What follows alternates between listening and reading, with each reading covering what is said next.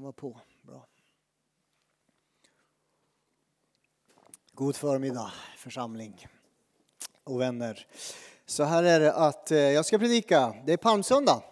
Så nu går vi in i påsken och det blir palmsöndagens texter och det blir palmsöndagens budskap och eh, sen kommer vi in i påsk, skärtorsdagen Alltså palmsöndagen inleder ju stilla veckan som vi redan har hört och jag tänker att vi i år kommer fira jättemycket påsk. Vi brukar ha många samlingar men i år försöker vi verkligen ha samlingar varje dag och kväll och Eh, så mycket som möjligt. Och på torsdag då är det Getsemane stund. Jag vet inte hur mycket vi har haft det men jag tänker mig att vi firar nattvard och så har jag skrivit att vi ska särskilt ha en betoning på be för sjuka.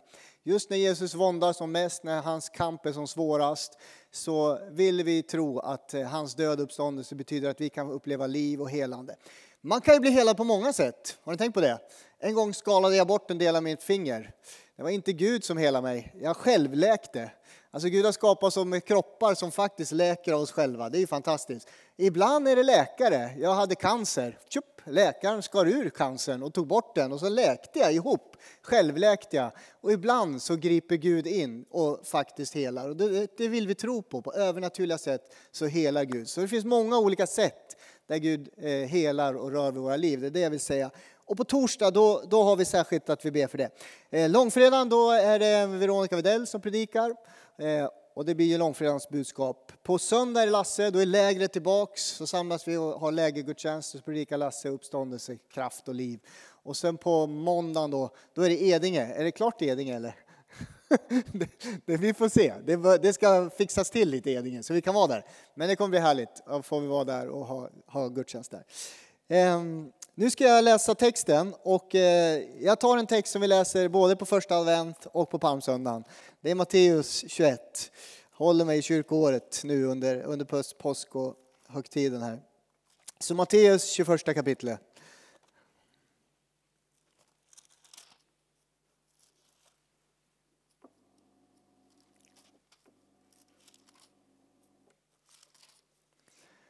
Och jag läser från vers 1 till vers 17 och det är jättebra om ni har egna biblar, det vet ni ju att jag tycker. Ehm, för det blir mycket roligare att bläddra. Och idag så ska jag läsa den här texten och så ska jag prata om tre saker som jag noterar i texten och så tre saker som jag vill förmedla ur texten. Så tre saker, därför att när man läser Bibeln så är det ju viktigt att vara nyfiken, intresserad, notera saker. Inte bara läsa, wow, nu har jag läst och så klappar man sig på axeln och så, wow, vad bra jag är Jesus, jag har läst en text. Utan på något sätt så vill man ju notera vad är det som händer i sammanhanget och i texten. Om du har slutat bry dig eller vara nyfiken, då hoppas jag att det liksom kan vakna hos dig igen. Och då måste man ju ha en bibel framför sig. Nu är ju den där, så ni kan läsa. Notera saker som händer i texten. När de närmade sig Jerusalem och kom till Betfage vid Oljeberget sände Jesus iväg två lärjungar och sa till dem Gå till byn som ligger framför er. Där ska ni genast en ås, finna en åsna som står bunden med ett föl bredvid sig. Lös dem och led dem till mig. Och om någon säger till er ska ni svara Herren behöver den. Han kommer då omedelbart att skicka iväg dem. Detta hände för att det skulle uppfyllas som var sagt genom profeten. Säg till Sions dotter, se din konung kommer till dig ödmjukt, ridande på en åsna, på ett åsneföl, en arbetsåsnas föl. Lärjungarna gav sig iväg och gjorde som Jesus hade befallt dem. De förde åsnan och fölet till honom och la sina mantlar på dem och han satte upp. Folkskaran som var mycket stor bredde ut sina mantlar på vägen. Andra skar kvistar från träden och strödde på vägen. Och folket, både de som gick före honom och de som följde efter, ropade Hosianna, Davids son. Välsignade han som kommer i Herrens namn. Hosianna i höjden. Och när han drog in i Jerusalem kom hela staden i rörelse och man frågade vem är han? Folket svarade profeten Jesus från Nasaret i Galileen. Jesus kom in på tempelplatsen och drev ut alla som sålde och köpte där. Han slog omkull borden för att de som växlade pengar och bänkarna för de som sålde duvor. Och han sa till dem, det står skrivet, mitt hus ska kallas ett bönens hus, men ni har gjort det till ett rövarnäste. På tempelplatsen kom blinda och lama fram till honom och han botade dem. När översteprästerna och de skriftlärarna såg de under som han gjorde och barnen som ropade i templet, Hosianna, Davids son, blev de mycket upprörda och frågade honom, hör du vad de säger? Jesus svarade dem, jag har ni aldrig läst, ur barns och spädbarns mun låter, en, låter du en lovsång stiga upp till dig. Sedan lämnade han dem och gick ut ur staden till Betania och där, där övernattade han. Tackar dig Jesus, tackar dig för den här texten som vi har hört så många gånger. Jag ber att du ska tala in i våra liv, in i vår tid just nu Herre. Jag ber att du ska väcka nyfikenhet och hunger på vad den här texten faktiskt betyder. Den stora betydelsen av att kungen kommer inridande i Jerusalem. Du tar plats på din rättmätiga tron Herre. Tack Jesus. Tack att du kommer in i våra liv och får bli Herre och kung. Det är det vi önskar. Att ännu mer att du är Herre Jesus. Att ditt ord är vägledande i allt vi gör och hur vi lever Herre. Tack Jesus. Att i den här dagen får, får ditt ord gå ut Herre. In i våra liv och genom oss förmedlas ut i det här samhället. Tack Jesus. Tack för att du är här. I Jesu namn ber vi. Amen. Alltså det här är berättelsen som vi har hört om Jesu triumferande entré in i Jerusalem. Han kommer ridande på en åsna. Eh, och som jag sa, när man studerar ett skriftställe så låt oss vara nyfikna. Jag har tre saker som jag har noterat i den här texten. Kanske du redan har noterat det, kanske jag är efter dig. Men när jag läser Bibeln så försöker jag liksom, eh, hitta sammanhang, se saker som jag inte har sett förut. För annars så blir det en tråkig text. Så på något sätt så vill jag se, vad är det som händer? Och när man kommer in, det första jag noterar när man kommer in i den här texten, det är ju att det alltid har hänt något före, det förstår ni. Bibeln är ju inte bara kapitel, det är ju textmassa. Och alltid när man kommer in i en text så har ju någonting skett strax innan. Och vad är det som händer strax innan? Och den som har sin bibel kan ju bara se. Där står att Jesus går på vägarna och botar två blinda personer. Någon form av kris utspelar sig på gatorna, på vägen upp till Jerusalem. Det är nog utanför Jeriko egentligen. Markus tar upp det i kapitel 10, Matteus tar upp det i kapitel 20. Alltså det är en kris och de här två männen, i Markus är det bara en man, i Matteus är det två män. Det här är svårt, är emot varandra. Det där går vi inte in på nu. Men det skulle man kunna ta någon annan gång. I varje fall, eh, här ropar de, Herre, Davids son, förbarma dig över oss. De ropar ut, Herre, Davids son, förbarma dig över oss. Och Jesus svarar, vad vill ni att jag ska göra för er? Vi vill att du ska öppna våra ögon, vi är blinda. Och Jesus han fylls av ett medlidande. Han bryr sig om dem så mycket så att han helar dem. Och så tänker vi som läser det här. Snyggt mirakel, ännu ett mirakel. Jesus gör alltid mirakler.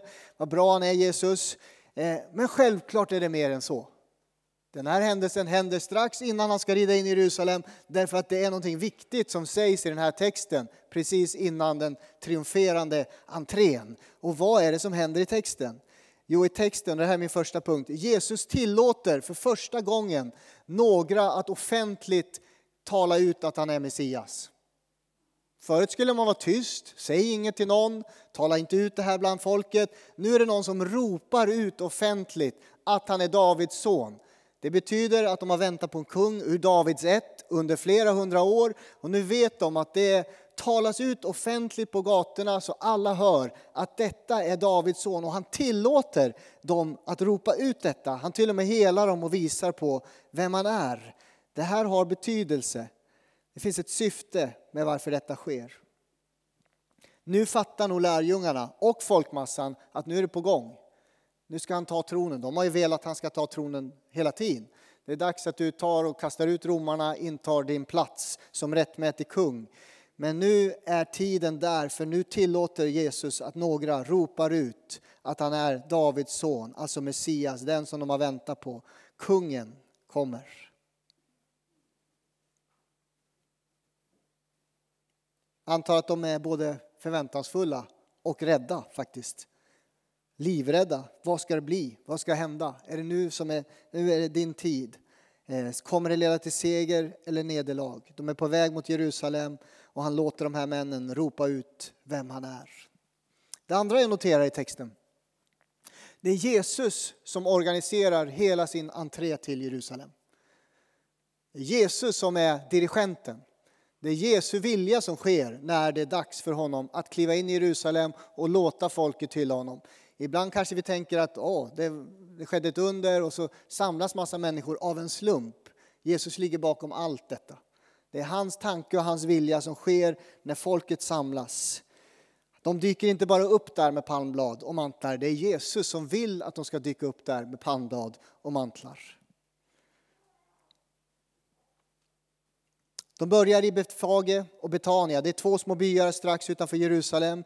Jesus känner de här byarna väl, han vet vilka som bor där, han vet vilka djur som finns där. Han har varit där och han vet att folket där har kommit till tro på honom på grund av det under när han väcker upp Lazarus från de döda. Det har skett precis i de här byarna strax utanför Jerusalem. Så han vet att där finns det många människor som tror på honom. Han kanske känner åsnans ägare eh, och så skickar han bud. Jag tror inte han har gjort upp det innan faktiskt. Jag tror att de helt enkelt, när de förstår att det är Herren som behöver åsnan så släpper de det. Man kan inte bara gå och ta en åsna. Men så fort de förstår det är Jesus, Herren, som behöver det, då är de beredda att släppa det för att de vet vem Jesus är i denna lilla by. I vers 8 står det folkskaran som nu var mycket stor bredde ut sina mantlar på vägen och skar kvistar från träden och strödde på vägen. I vers 10 står det, och när han drog in i Jerusalem, det betyder att skaran redan har samlats. Den samlas inte i Jerusalem.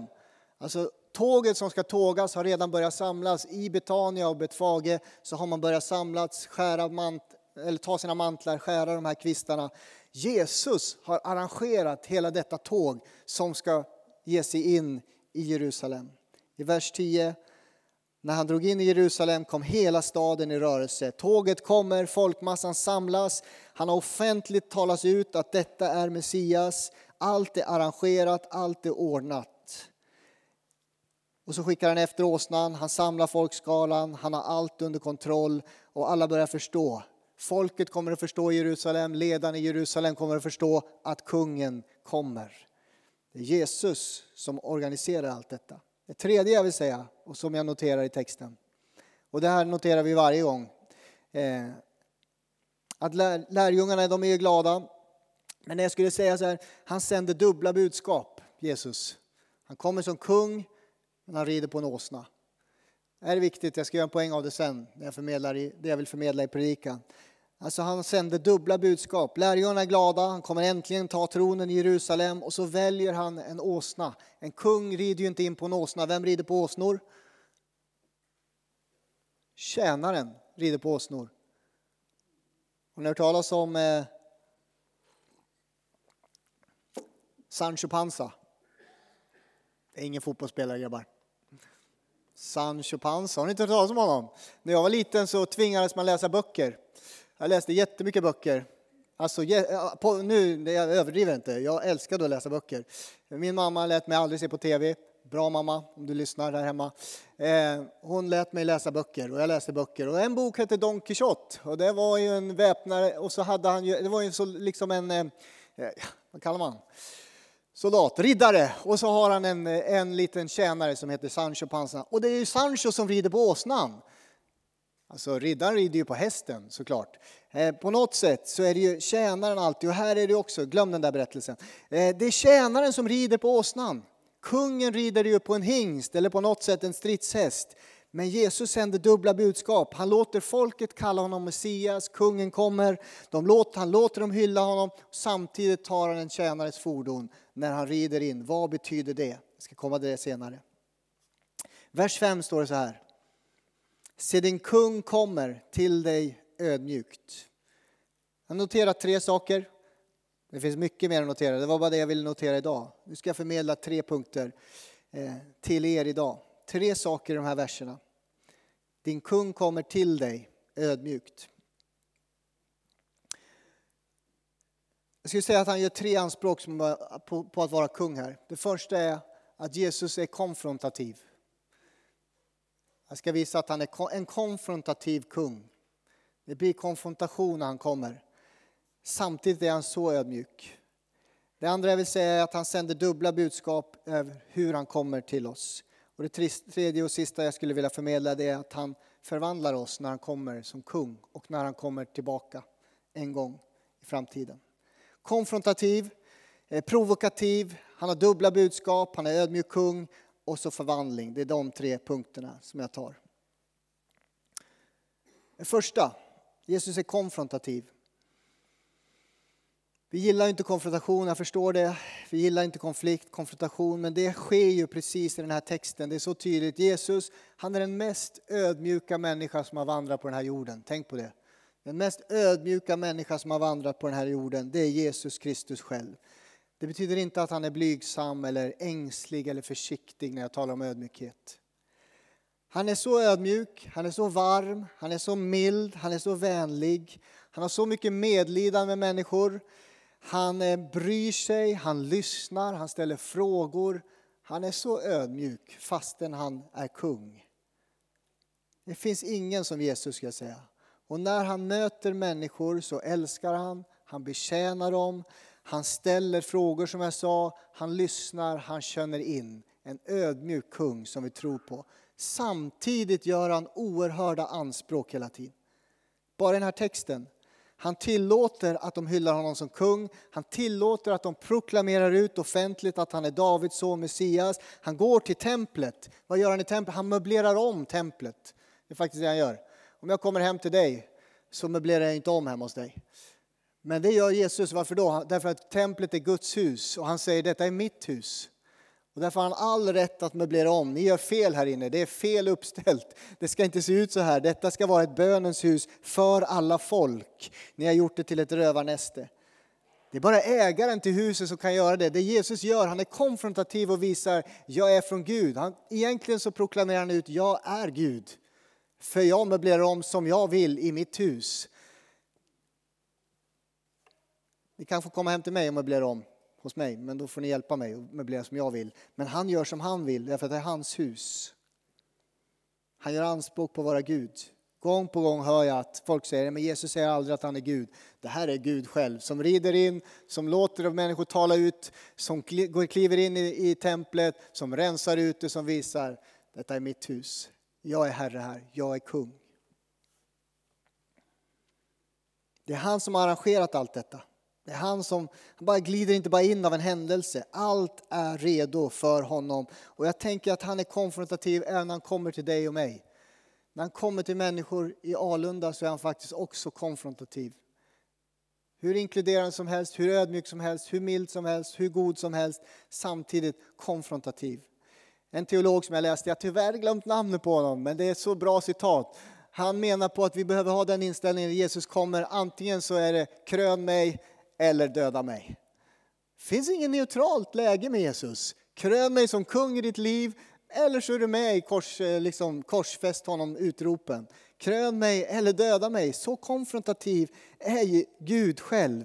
Ingen medelväg med Jesus. Alltså ge upp ditt eget liv, dö från ditt eget för att följa honom. Eller lev ditt eget liv och dö utan honom. Det är konfrontativt när Jesus utmanar oss att följa. Krön mig som kung i ditt liv eller döda mig. Han gör det med varje intellektuellt tänkande människa även idag ska jag säga. Du kan själv läsa texten intellektuellt liksom, eh, söka om detta är sant och möjligt. Och så kommer du ändå till den slutsatsen. Är han kung eller så är han inte kung? Han gör det med varje hjärta som passionerat vill ge sig till honom. Krön honom eller döda honom. Varje gång. Jag skulle säga att han kommer till människor med brustna hjärtan som ropar till honom om hjälp. Jag tror att du har gjort det ibland. Hjälp mig Gud, jag behöver din hjälp. Jag behöver att du är min själavårdare, jag behöver att du är min vän, jag behöver att du är min far. Och då säger han, jag kan vara allt det för dig, säger Jesus. Jag kan vara din vän, din själavårdare, din helare, jag kan vara allt det för dig. Men först vill jag vara din kung och herre. Så han är på tronen. Sen kommer hjälpen, sen kommer stödet, sen kommer han som en vän. Men först så är han så konfrontativ att han vill ha tronen i våra liv. Han är kung. Ja, vi ska bekänna nästa helg att Jesus Kristus är Herre. Och det betyder att han är först.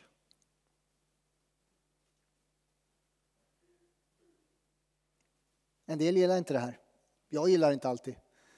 Att han skulle vara före mig. Att jag ska bli mindre, han ska bli större. Det är hela tiden processen som en lärjunge har att sätta honom på tronen och låta honom bli Herre. Jesus kommer som kung. Konfrontativt säger han, allt eller inget, gör upp med det en gång för alla. Alltså en av de roligaste texterna som finns i, eller nej, ja, roligt kanske. Okej, Apostlagärningarna 19 i varje fall. Där finns en text om, eh, som en del av er kanske kan. Ni får tänka nu, tänk, tänk, tänk. En text i Apostlagärningarna 19. I Apostlagärningarna 19 handlar om en väckelse i Efesos. Eh, och väckelsen går fram och människor blir andedöpta och så är Paulus där och predikar och människor blir befriade från onda andar. Och så finns det en liten familj där på sju söner till Skevas. Och de här sju sönerna de ser på Paulus och känner vi vill ha den där kraften. Och de börjar be för en man som är demonbesatt. De börjar be för den här mannen och så ber de inte, de har ju liksom inte kraften utan de säger vi ber i, i samma kraft som den där Paulus predikar, i Jesu kraft. Alltså den Jesus som, som Paulus predikar, det är han som ska befria dig. Och demonbesatte mannen säger Paulus känner jag till och Jesus känner jag till, men vilka ni är det har jag ingen aning om. Och så misshandlar eh, den där demonbesatte mannen, det är ju inte en rolig text. Men i alla fall, och så de springer därifrån eh, nakna eh, och lite blodiga. Vad är det jag försöker säga med det här? Alltså någonstans om man vill uppleva Guds kraft i ditt liv, det är inte magi när Gud verkar. Det går inte mekaniskt, vi tror det, bara vi gör rätt saker som Paulus gör, då kommer det bli bra. Nej, kraften från Gud kommer när vi böjer oss inför att han är kungars kung och herrars herre i våra liv. Då kan Gud komma med kraft och verka. Om jag vill hålla kvar i att jag är kung, jag är på tronen, jag regerar, det kommer ingen kraft. Utan den kommer i när jag har bekänt honom som Herre och jag har lärt känna honom. De här killarna kände honom inte ens. De bara försökte använda kraften. Om du ber om hjälp att han ska gripa in i ditt liv, om du böjer dig. Men om du aldrig böjer dig och aldrig lyder honom kommer inte kraften. Så konfrontativt är evangelium när kungen rider in i våra liv. Det andra, dubbla budskap har jag pratat om. Alltså han är en kung som rider på en åsna. Och så läser man i texter från Gamla Testamentet speciellt, se din kung kommer till dig ödmjukt ridande på en åsna. Trots att han är kung så rider han på en åsna. Han kommer som en tjänare. Jag skulle säga så här, vilken general som helst som rider på en åsna ut på stridsfältet kommer att bli slaktad. Det är bättre att vara till fots tror jag, än att rida på en åsna och komma där i strid. Det är kört, man blir slaktad. Och Jesus rider in i Jerusalem redo att slaktas för vår skull som ett offerlamm. Han kommer sårbar, han kommer försvarslös. Varför då? Därför att det är evangeliet. Det är precis det som är evangeliets kärna. Synd är, lyssna på den här meningen, det här är svår. Den här är jag knåpar på. Det här är svårt, men jag, jag ska ta det några gånger. Synd är när tjänaren sätter sig före kungen. Därför är frälsning när kungen tar tjänarens plats. Jag ska förklara. Synden är när tjänaren sätter sig före kungen och då anser jag att vi är tjänare. Och när vi sätter oss före kungen. Frälsning är när kungen tar tjänarens plats. Jag ska förklara tydligt. Synd är när människor sätter sig själva högre än Gud och tror att de är kungar. Det sker så sjukt ofta i vår värld. Det sker så mycket destruktivt i vår värld. Kriget i Ukraina är bara ett exempel på det. När människor sätter sig som kungar i den här världen så är det synd. Jag skrev med Juri i Ukraina den här veckan. Vi, vi hjälper dem jättemycket och sänder hjälpsändningar och skänker pengar till dem jättemycket. Och jag frågade hur är behoven? Han skriver till mig tillbaks. Han är så tacksamma för att vi hjälper så mycket ifrån Alunda och ifrån församlingen. Eh, han skriver att det är hårt, det är tufft, det är jobbigt, det är prövningar. Och vi behöver hans nåd, hans beskydd, hans omsorg, hans kärlek. Och så ber han, tack för alla böner, tack för all ekonomiskt stöd, tack för alla saker ni skickar. Och så skriver han så här, det här är krigets konsekvenser. 80 procent är, är, är arbetslösa just nu. Priset på mat, hygienartiklar, allting skjuter i höjden. Vi tycker att det är dyrt i Sverige. Vi vet inte hur de har det. De flesta kyrkor är utan pastorer, diakoner, evangelister. De finns inte där längre. De flesta män är i krig och dör i krig. De flesta familjer är utan eh, eh, familjeförsörjare. Alltså, som en, som en konsekvens av detta söker sig människor till kyrkan just nu i Ukraina för hjälp. Där är vi med och stödjer. Någon har satt sig till kung Säg inte vem, ni vet vem. Människor låter sig bli kungar och styr världen. Det är synd och då sker alla dessa sjuka saker. Vi tar det till vår nivå istället. Du kämpar med oro kanske, kämpar med ångest ibland. Fantastiskt Agneta, ångesten äntligen ger vika. Jesus blir Herre i ditt liv, då försvinner ångesten. Vi kämpar med ångest. Vi kanske kämpar ut med att någon har gjort någonting i vårt liv, men vi kämpar med ångest därför att vi gör oss själva till kungar. Det är därför jag tror det. Oron kommer när jag själv tror att jag ska ordna allt. Det ska jag veta många gånger när jag predikar som jag tänker att idag måste jag fixa till det här. Jag måste ha ett bra budskap, jag måste ha någonting att förmedla. Så är det. Och så kommer man på mig själv, det är inte jag som ska fixa till något. Låt mig läsa ordet, låt mig lägga ut det och så ber jag Gud verka på något sätt genom detta. Vi tror att vi ska ordna det själva och då kommer oron. Vi gör oss själva till kungar. Det är synd. Frälsningen är när kungen tar vår plats på korset. Kungars kung Jesus Kristus tar vår plats och det betyder räddning för oss. Han rider in som en tjänare fast han är kung. Han dör i tjänarnas ställe för att rädda oss. Hela poängen med evangelium är att vi räddas genom svaghet, inte genom styrka. Jesus gör det så klart att vi kan inte bli räddade om vi inte erkänner vår svaghet och bekänner vår synd. Där finns räddning. Du räddas inte genom styrka, jag fixar det själv, jag är kung. Du räddas genom svaghet, av nåd kallar Bibeln det tydligt.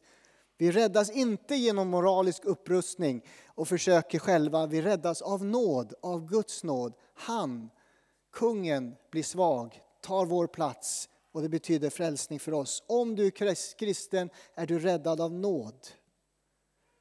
Du vet när du syndar att du faktiskt förtjänar straff.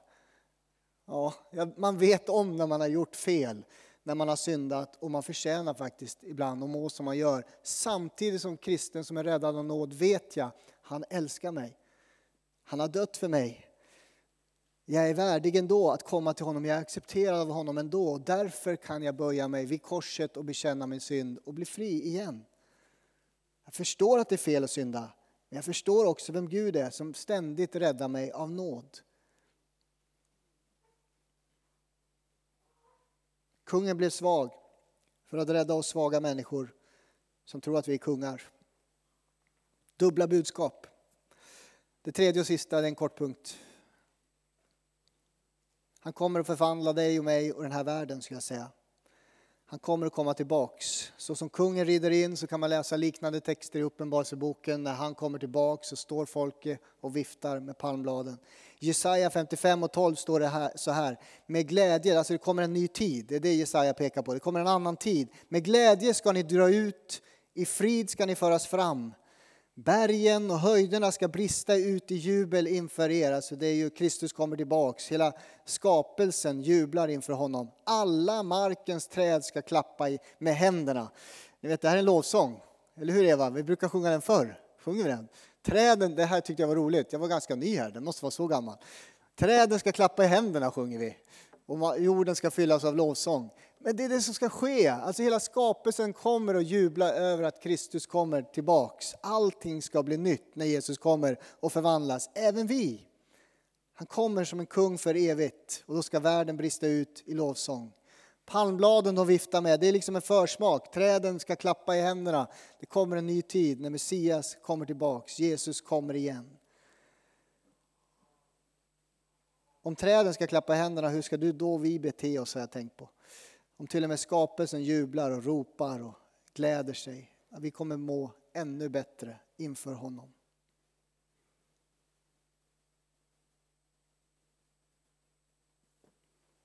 Vi går in i stilla veckan. Jag har lite hemläxa. Nej, läxa gillar man inte, men eh, okej okay då. Läs bibeltexterna helt enkelt om sista veckan. Läs dem. Läs dem med familjen, tänkte jag försöka göra. Om ni har frukost hemma och ni har eh, påsklov, läs texterna, påsktexterna med era familjer tillsammans, makar eller med vänner på något sätt. Och påminns om vad det betyder att han kommer, kungen, till oss en gång till på nytt. Vad har jag sagt idag? Jesus, han är konfronterande när han kommer, men han vill vara här i ditt liv. Låt honom vara kung. Han ger ett budskap att genom svaghet så kan du bli räddad. När du böjer inför honom så kan du få uppleva verkligen förlåtelse och räddning och ny kraft. Du kan också låta dig förvandlas av den kraften, för han kommer till dig på nytt. Amen. Tack Jesus. Tackar dig Herre. Tackar dig för ordet idag. Vi har hört den här texten så många gånger Herre. Jag ber Herre att du får konfrontera oss med det som är synd i våra liv faktiskt. Vi får göra upp med det en gång för alla och förstå att du har älskat oss. Du har liksom, vi är värdiga inför dig. Det finns ett värde i oss Herre. Tack att det är av nåd vi kan bli frälsta, förlåtna Herre. Tack att vi får komma inför dig just den här stunden, inför ditt kors Herre. Ta emot Herre, när vi i nattvarden får ta emot brödet som symboliserar din kropp Herre, som offrades för oss. Tack Jesus att vi får äta och smaka och se att du är god idag. Tack att får dricka vinet, bägaren och förstå att det är genom ditt blod som vi renas från synd Herre. Jag ber här att vi inte ska göra oss till kungar och herrar utan fortfarande sätta dig först och högst. Jag ber att den här världen ska se dig att du får vara på tronen i våra liv, Herre. Tack Jesus för att du är här. I Jesu namn. Amen.